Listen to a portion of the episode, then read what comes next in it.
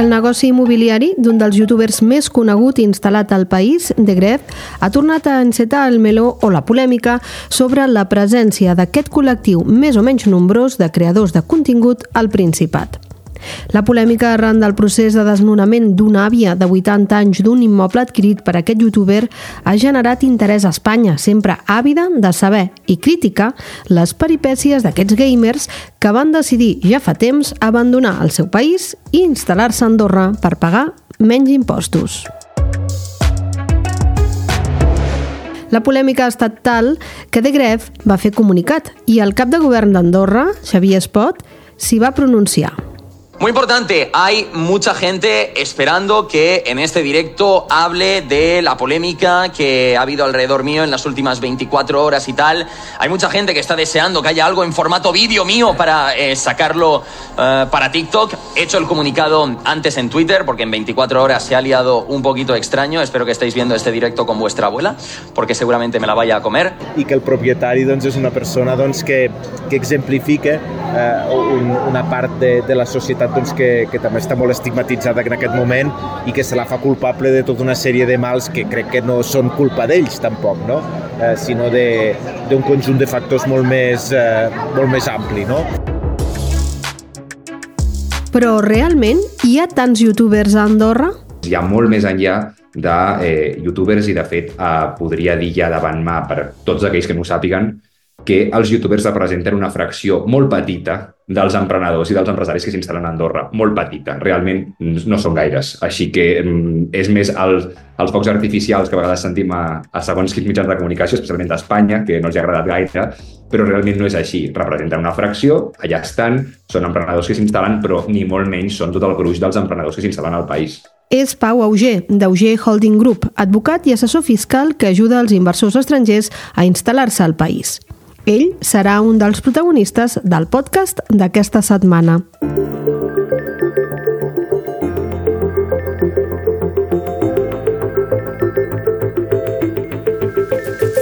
Hola, sóc Esther Pons, això és l'Altaveu a fons i avui ens endinsem en l'Andorra dels youtubers. Per començar, quants n'hi ha al país?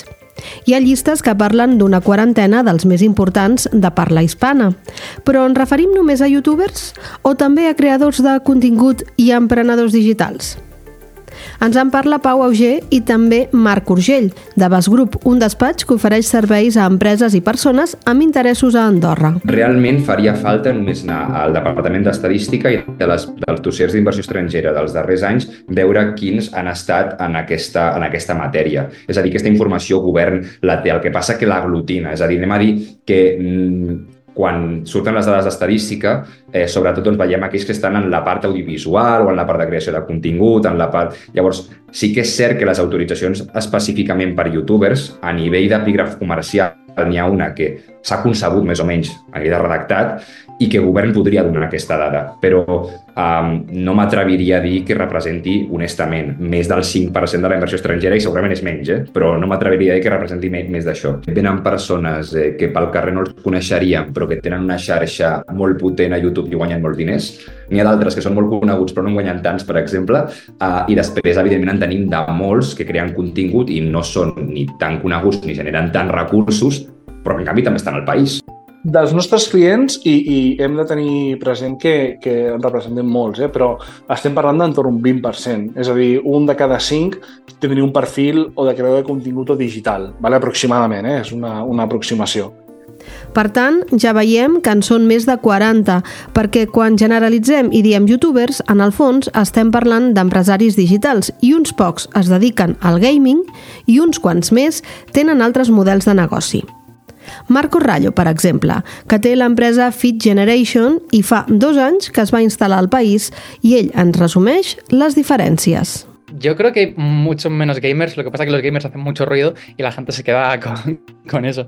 Yo te diría que la mayor parte de gente es o infoproductor, o sea, vende formación online, o vende servicios, el estilo, pues, gente con agencias de marketing, hay un montonazo. Lo que pasa es que esa gente no es tan conocida en redes sociales y por lo tanto destaca menos. Entonces, infoproductores, gente que vende servicios, sobre todo en el nicho de marketing digital, un montón. Y luego sí que hay como otro tercio de creadores de contenido, rollo, gente que es influencer profesional, que crea contenido en Instagram, en TikTok, en YouTube y las marcas le pagan por ello y metería como dentro de ahí a los gamers, pero te diría que no es tanta la cantidad de gente. Sí que conocí a alguno en el gimnasio, por ejemplo en Ordino, però no és, tan, no és tan comú. Ell mateix és un exemple d'infraproductor. Crea contingut d'interès a les xarxes, però el seu negoci consisteix en vendre formació online. Básicamente tenemos una academia online para entrenadores personales y para dietistas que se llama Fit Generation y nos dedicamos a ayudar a las personas que les interesa el mundo del entrenamiento, del fitness, de la salud, a aspirar a convertir eso en su, en su profesión, ¿no?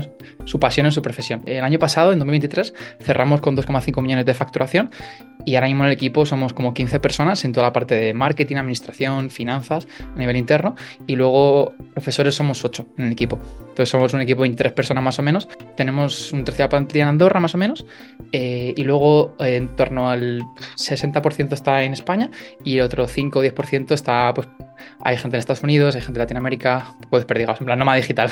Iván Fresneda, un otro ejemplo, es un crack del marketing digital. Uh, bueno, yo tengo una agencia de growth hacking eh, nosotros creamos embudos de conversión para nuestros clientes para que vendan más. Los clientes necesitan, nuestros clientes necesitan clientes. Imagínate, por ejemplo, tenemos una asesoría aquí en Andorra que es cliente, o el propio Marcos Configuration es cliente. al final, para, para tener clientes, tenemos que construir lo que se denomina embudos de conversión. Y esto es un poco cuál es el, cuál va a ser la carretera por la cual un cliente tiene que pasar desde el punto en el cual conoce a una empresa hasta el punto en el cual finalmente termina comprando en esa empresa. Hay un proceso de descubrimiento, de confianza, de decisión y de compra. Entonces acompañamos un poco a, con este pequeño embudo, que es como se llama, acompañamos en el proceso de decisión de un, de un potencial comprador hasta que finalmente se convierte en comprador de nuestros clientes. Abans de muntar el seu negoci, havia treballat per Google i Amazon i viscut a Luxemburg i Dublín. Ara, al seu compte d'Instagram es presenta així. Emprendí, no me fue bien. Entré en el Rat Race, no me fue bien. Emprendí de nuevo y gané 800.000 euros en mi primer año. Què hi fan Marcos Rallo i Iván Fresneda a Andorra? D'entrada, pagar menys impostos. ¿El tema fiscal fue determinante para, para venir o no? Sí, 100%. claro, al final, al final tienes que buscar, ¿no? Diferentes, diferentes cosas, ¿no? pero más allá de la fiscalidad, porque claramente es un motivo que a la gente le atrae, o, al menos la gente considera Andorra en su, en su punto, imagínate que hubiera, o sea, si ahora me preguntas si preferiría vivir en Madrid o en Andorra, aunque pagara lo mismo en Madrid que en Andorra de impuestos, no tengo claro que te dijera que prefiero vivir en Madrid. Así que por eso ni siquiera te lo he mencionado. O sea, obviamente cualquier persona que venga de fuera y esté en Andorra y se dedique al mundo digital, el 100% de la gente es primero atraída por la baja fiscalidad, ¿no? En España tú pagas impuestos de media hasta 14 de, julio. Hay un índice que se llama el índice de, de liberación fiscal que mide la, fundación de Think Tank de Civismo y hasta 14 de julio el español medio paga impuestos. Eso es el español medio. imagínate el español que monta empresas y le va mínimamente bien.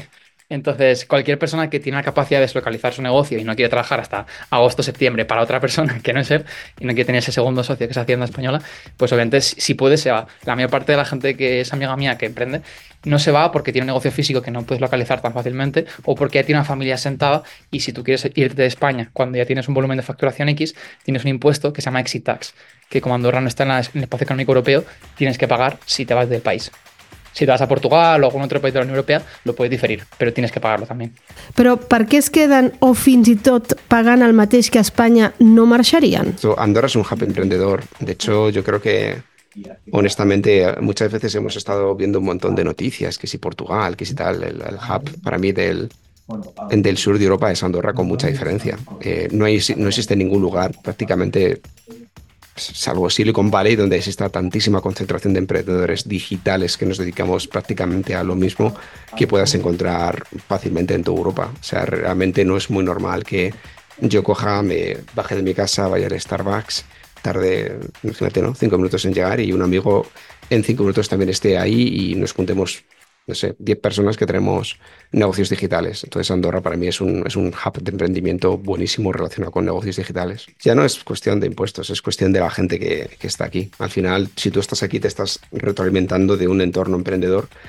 Y para mí el entorno emprendedor es, es lo más importante para aprender. Al final, bueno, o sea, es como los famosos mini mastermind, ¿no? Cada vez que quedas con, con tus amigos y demás, pues estás teniendo una, pues una posibilidad de coger y de, y de aprender de qué es lo que están haciendo otros y lo mismo estar aprendiendo de ti, de qué es lo que tú has hecho, qué es lo que te ha ido bien, qué ha hecho otro, qué ha ido bien. En fin, de, de, determinadas cosas que te hacen mantenerte como en el, en el radar, ¿no? Y no tienes como tanta necesidad de ir, no sé, por ejemplo, a, a, eventos de, de, emprendedores digitales y demás, que al final pues vas dos o tres veces al año y poco más.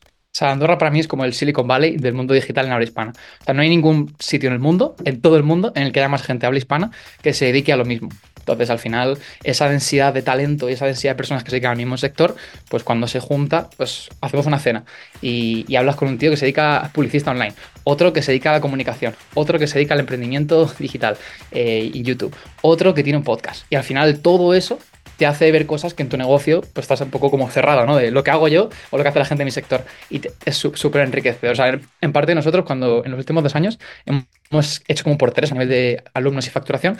Y en gran parte, obviamente, es eh, porque no solo por los impuestos y puedes reinvertir más en tu negocio, que muchas veces la gente piensa que el hecho de querer pagar menos impuestos porque te quieres comprar un Ferrari, un Lamborghini, una mansión, sino que en realidad al tener el, el doble de capacidad, por ejemplo, para poder reinvertir en tu negocio, pagas más rápido. Y esto, entonces, este efecto fiscal, ¿no? De tener mayor capacidad de reinversión, más ese hub de talento. Y obviamente la parte inspiracional, ¿no? De, oye, en Madrid, ¿cuánta gente tiene un negocio de facturar más de 2 millones online? Hostia, pues no tanta. Y a lo mejor la hay, pero como hay 4 millones de personas, no la ves por la calle o es más difícil acceder a esa persona. Pero en cambio en, en, en Ordino o en La Mazana a lo mejor es tu vecino. Marc Urgell i Pau Auger també fan referència a la comunitat de creadors digitals com un dels motius que atrau aquest col·lectiu més enllà de la fiscalitat. A veure, uh, òbviament, els primers que venien, els primers de tots, um, ho van fer principalment per, per raons tributàries, per motius fiscals. Però això ha quedat molt lluny. De fet, eh, és una qüestió de la que suposo que sabeu que cada cop se'n parla més, però s'ha creat una gran comunitat eh, un gran hub de persones que es dediquen a aquest tipus de negocis. Llavors, a dia d'avui a Andorra no només és interessant a nivell mm, fiscal perquè els tipus impositius són més baixos, sinó que realment hi ha un ecosistema no només youtubers, sinó de creació de contingut, d'emprenedoria, de diferents marques que es desenvolupen, de projectes, que els hi permet tenir més idees per col·laborar, més projectes per invertir, una vida social molt activa i molt vinculada a persones que també han tingut èxit, perquè qui s'instal·la a Andorra generalment ja ha tingut èxit, amb la qual cosa, quan et relaciones amb persones d'aquest entorn, ja són persones exitoses, amb la qual cosa aquest ecosistema de, diria, una mescla entre possibilitats, èxit, eh, relacions, col·laboració, els atrau molt. És a dir, a dia d'avui hi ha molts youtubers i no youtubers, altres emprenedors, que ja estan dient molt clarament que ells, si paguessin el mateix exactament a Espanya i a Andorra, ara, ara ja sí es quedarien a Andorra. Sí, aviam, eh, poden anar a Dubai i pagar un 0%, o poden anar a una illa perduda al mig del mar i pagar el 0%, però al final jo crec que quan tu escolleixes el lloc on vius tens en compte molts factors, no? Eh, la seguretat, si hi ha gent de la teva comunitat o no, els impostos, i crec que Andorra en aquest cas eh, facilita o, o acompleix els requisits que la majoria de gent està buscant, no? Però un cop són aquí, i amb un volum d'ingressos considerables, en què inverteixen? Generen economia productiva? Auger ho té clar. Molts d'ells tenen treballadors, uh, perquè la gent es pensa que creen molts, molts d'ells el contingut ells sols. No, no. Hi ha youtubers que realment treballen 3, 5, 10, 20 persones en el seu costat, és a dir, hi ha grans equips en, en alguns casos. Um, I efectivament fa falta, doncs, en aquest cas, un professional qualificat eh, per poder portar tota aquesta part laboral, tota la part comptable, fiscal, declaracions, etc. Tot això ho necessiten sí o sí. Uh, estem parlant de que en el moment en el qual jo eh, tinc persones empleades, no només estic eh, generant una, una contribució a la seguretat social i estic eh, ficant diners en l'economia productiva, amb la qual cosa aquestes persones rebran un salari que efectivament després els servirà doncs, per pagar els seus lloguers, per consumir, per anar a supermercats, per, per al seu oci, etc. amb la qual cosa contribueixen i molt a l'economia productiva. Després, addicionalment, entrarem en el bur debat de sí, a més a més ens deixen molts impostos. Sí, molts impostos, però és que realment quan tu ve un emprenedor al país que t'assalaria diferents professionals, que consumeix serveis, que genera recursos per eh, empreses audiovisuals, per empreses, en aquest cas, doncs, que genera patrocinis en favor d'entitats, etc, realment està movent recursos que estan entrant en l'economia productiva. Marc Urgell, però, reconeix que no tots treballen amb gent del país. No, de fet, de fet la majoria tenen, tenen equip professional. Alguns compten amb gent del país, altres tenen freelance que estan a, arreu del món. Depèn de la persona, també depèn del model de negoci i també depèn molt de, de si Andorra té el personal que aquesta gent està buscant, no? perquè no sempre és així. De fet, el cost de la vida i el preu de l'habitatge, tot i que sembli que no afecta els nous residents del poder adquisitiu, sí que ho fa. Ivan Fresneda es queixa precisament d'això. Bueno, a ver, o sea, me parece, igual, me parece Andorra es bastante caro. En, en, líneas generales en cuanto a los temas de los pisos y, y el estilo de vida aquí en Andorra creo que, bueno, especialmente por el piso es muy caro. A mí, por ejemplo, ya no solamente para mí, que yo me lo puedo, entre comillas, ¿no? permitir, pero si yo quiero contratar a gente y traerme aquí a Andorra, pues claro, ¿cuánto le pagas para darle una vida decente a alguien? ¿Sabes? Le tienes que poner sueldos realmente altos, incluso aunque sea un chaval de 22 años. Un sueldo realmente alto para que tenga una vida normal, porque no, no Andorra ahora mismo no me permite el tener, pues no sé, tener una oficina y tener, imagínate, a 20 personas que me esté, que esté contratando fácilmente. Tengo que hacerlo en remoto con gente trabajando en diferentes partes porque asumir los salarios que tendría que pagar en Andorra para que la gente pudiera vivir aquí con, con una vida decente al mismo nivel que pueden vivir si trabajan en remoto, desafortunadamente no és possible. En tot cas, els que generen més recursos sí que decideixen entrar en altres inversions, també la immobiliària, tot i que en aquest punt Urgell i Auger no coincideixen. Aviam, no és el més habitual. O sigui, jo conec, a, bueno, dels clients que, que portem, algun ha invertit, però la gran majoria inverteix per a la seva vivenda pròpia. És a dir, pocs compren per llogar. Eh, és un negoci que no estic veient per part dels nostres clients. Aquestes persones, addicionalment, creen societats habitualment patrimonials per invertir en béns immobles, per, tenir, per generar rendes, eh, i això, evidentment, doncs, també introdueix diners en l'economia productiva. Evidentment, eh, després pots entrar en el debat de si les adquisicions dels béns immobles són més, menys especulatives. Això ja no té res a veure amb que siguis youtuber o que no ho siguis. Això té a veure amb com explotis tu els teus béns. Eh, N'hi ha, eh, vaja, no pocs, que eh, funden, creen, eh, anem a dir, eh, he vist des de que han fet restaurants, des de, bueno, i que, i que els tenen encara, a que han comprat, anem a dir, perruqueries, eh, a, que assalarien justament a les persones que hi treballen, a, a, evidentment, que porten negocis també dels països que venen, no només venen d'Espanya, venen d'altres països i porten també aquells negocis, per exemple, doncs eh, imaginem que jo sóc un, una influencer de, de, de, de beauty, no? de tema cosmètics, el que sigui. Hi ha una empresa doncs, de, que li fa les ungles a, a, a les dones, de, de bellesa, de bellesa femenina. Doncs, a, podria portar, per exemple, aquesta empresa a Andorra i tenir el meu equip, eh, assalariat, etc. No? Seria un exemple doncs, eh, tonto, però n'hi ha, ha molts d'exemples. Segons l'experiència dels dos assessors amb els quals hem contactat, la majoria fan arrels a Andorra i s'acaben quedant. Això no vol dir que no hi trobin pegues. En què cal millorar? Temas burocráticos, yo, yo nunca he firmado tantísimos documentos en un solo, eh, para abrir la empresa o para venirme a, a, un país. La verdad es que me he ido a Luxemburgo o Irlanda y yo creo que habré firmado fácilmente, no sé, puedo decir mil, porque yo creo que en total habré firmado mil documentos diferentes aquí y allí habré firmado como cinco o seis. O sea, es que la, la diferencia ha sido abrumadora. En cuanto a temas burocráticos, el, el tema bancario también ha sido abrumador. Eh, nunca, nunca me esperaba tantísimo, tantísimo control para, el tema bancario y al final yo hago una actividad bastante normal. Yo, a ver, es marketing para clientes, tampoco no tiene mucha más historia. Eh, uh -huh. Pero esa parte, la verdad es que yo me he sentido abrumado. Entonces yo al final llegas a un punto en el cual, pues bueno, eh, confías, confías en el gestor y a firmar, porque es que realmente no sabes muy bien ni lo que estás firmando, ¿no? A ver, eh, hay, hay, cosas como por ejemplo Andorra Telecom, que sinceramente creo que funciona muy bien en España el modelo de tener diferentes empresas que compitan entre sí. Entonces, obviamente, si por ejemplo Andorra Telecom justo se le caen los servidores porque el Rubio está en directo y se ha sobrecargado la red, pues se te cae el directo de tu clase de, de Generation y no podemos dar clases ese día ahora. Entonces, eso sí que nos ha pasado alguna vez, es un poco putada, pero no es algo puntual. Eh, entonces, bueno, también es algo que ocurre, ¿no? Y, y- y lo, mira, de las cosas peores que tiene Andorra es el tema de la burocracia. O sea, siendo sincero que cualquier persona que vive en Andorra lo ha sufrido, que para renovarte la tarjeta del parking tienes que ir físicamente al común que te corresponda a renovarla. Y, y como, tío, ¿por qué no en 2024? ¿Por qué no pueden automatizarme el, el pago en mi, en mi cuenta de banco, no?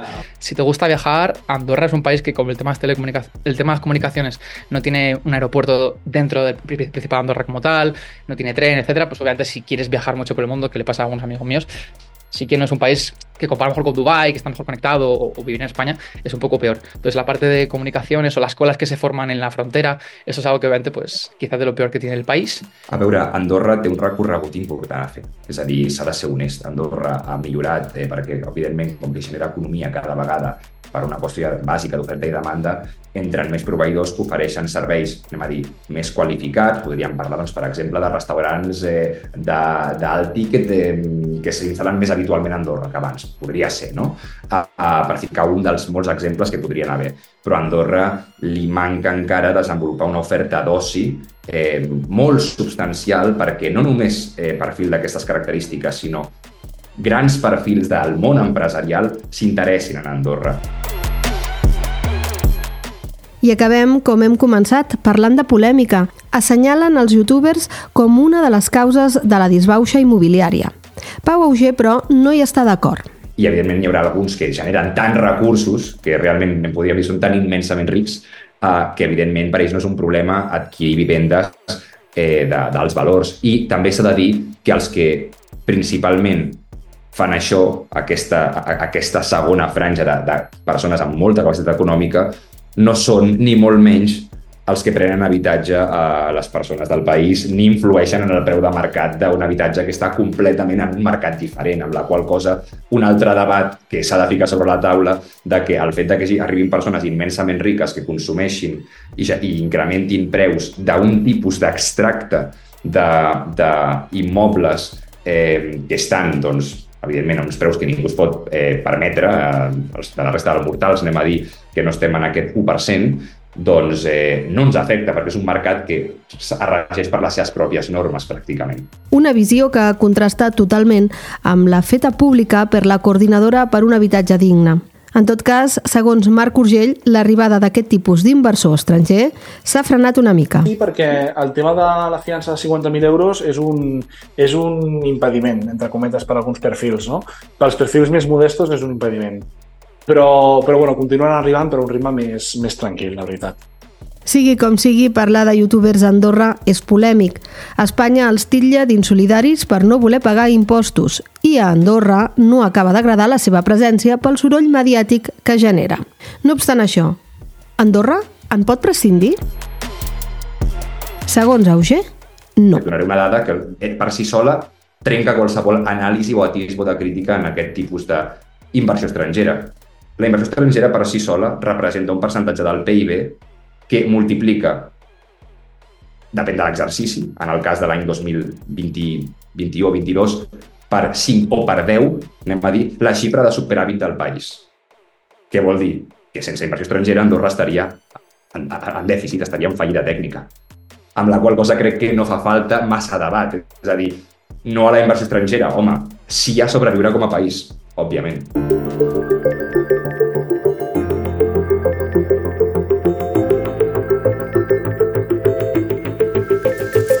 Això ha estat l'Altaveu a fons. Aquest episodi l'ha realitzat qui us parla, Esther Pons. Espero que us hagi agradat. La setmana vinent tornem amb més històries.